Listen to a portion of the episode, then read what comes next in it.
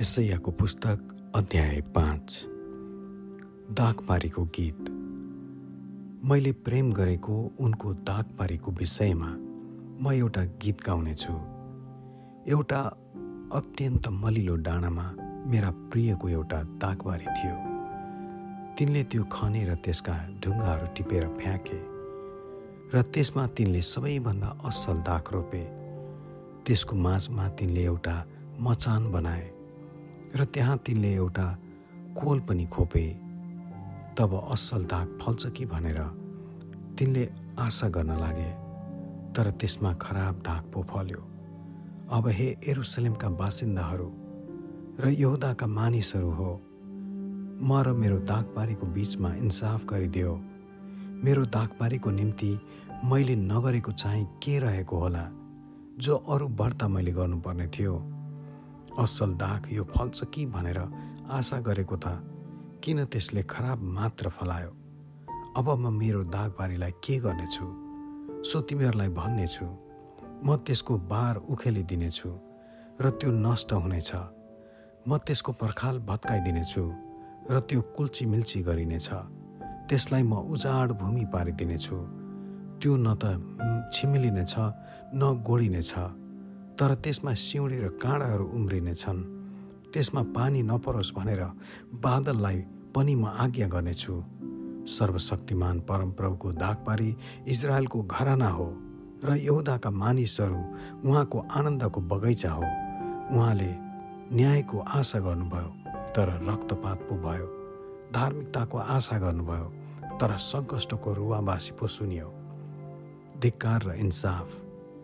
धिक्कार तिमीहरूलाई जसले केही जग्गा नरहने गरी घर शेरसित घर र खेतसित खेत जोत्छौ र तिमीहरू देशको बिचमा एक्लै बस्छौ। सर्वशक्तिमान परमप्रभुले मैले सुन्ने गरी भन्नुभएको छ निश्चय नै ठुला ठुला घरहरू उजाड हुनेछन् र सुन्दर भवनहरू निर्जन हुनेछन्। पाँच बिघा दागबारीले पाँच पाथी दागमध्ये र पचास पाथी बिउले पाँच पाथी अन्न मात्र उब्जाउनेछ। धिक्कार तिनीहरूलाई। जो मध्य पिउन बिहानै उठ्छन् जो मातेर चुर हुन राति अबेरसम्म बस्छन् तिनीहरूका भोजहरूमा बिडा सारङ्गी खैजडी बाँसुरी र मध्य हुन्छन्। तर तिनीहरू परमप्रभुका कामको वास्ता गर्दैनन्। तिनीहरू उहाँका हातको कामलाई आदरै गर्दैनन्।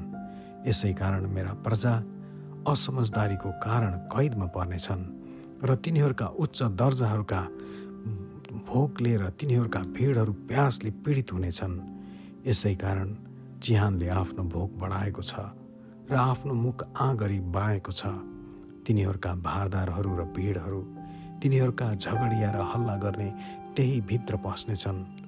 यसरी मानिसहरू निहुराउने छ र मानिस जाति विनम्र तुल्याइने छ र अब मानिका आँखा झुक्याइने छन् तर सर्वशक्तिमान परमप्रभुको नाउँ इन्साफद्वारा उच्च हुनेछ र पवित्र परमेश्वरले आफ्नो धार्मिकताद्वारा आफूलाई पवित्र देखाउनुहुनेछ तब भेडाहरू आफ्नै खर्कमा झैँ चर्नेछन् र थुमाहरूले चाहिँ तिनीहरूका अवशेषका बिचमा खानेछन् धिक्कार तिनीहरूलाई जसले पापलाई छलका डोरीले र दुष्टाइलाई गाडा तान्ने डोरीहरूले झैँ तानेर ल्याउँछन्।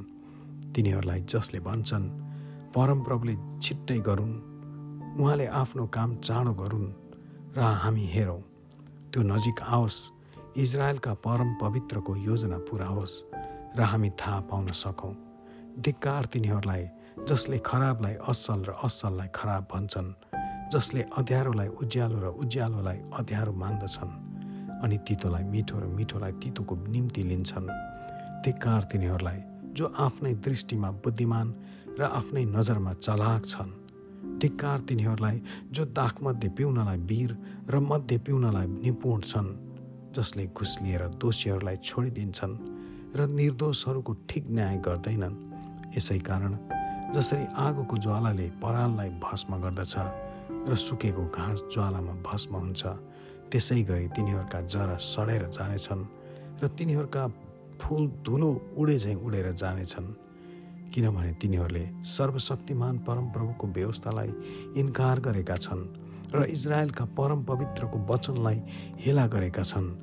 यसकारण परमप्रभुको रिस आफ्नो प्रजामाथि उठेको छ। उहाँले आफ्नो हात तिनीहरूका विरुद्धमा उठाउनु भएको छ र तिनीहरूलाई हिर्काउनुहुन्छ।